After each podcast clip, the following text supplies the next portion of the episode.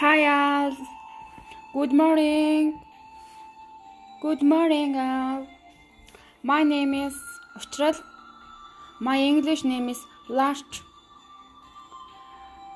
Last. L is in Leon. A is in apple.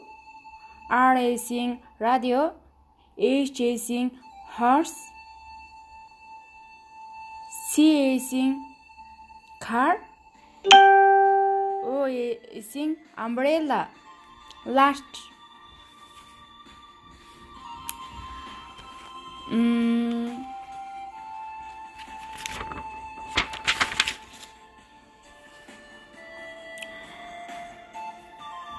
I was born in Darnot, Darnot, Mongolia.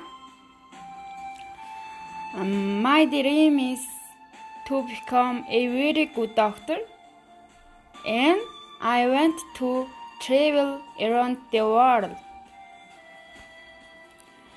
Goodbye. Nice to meet you.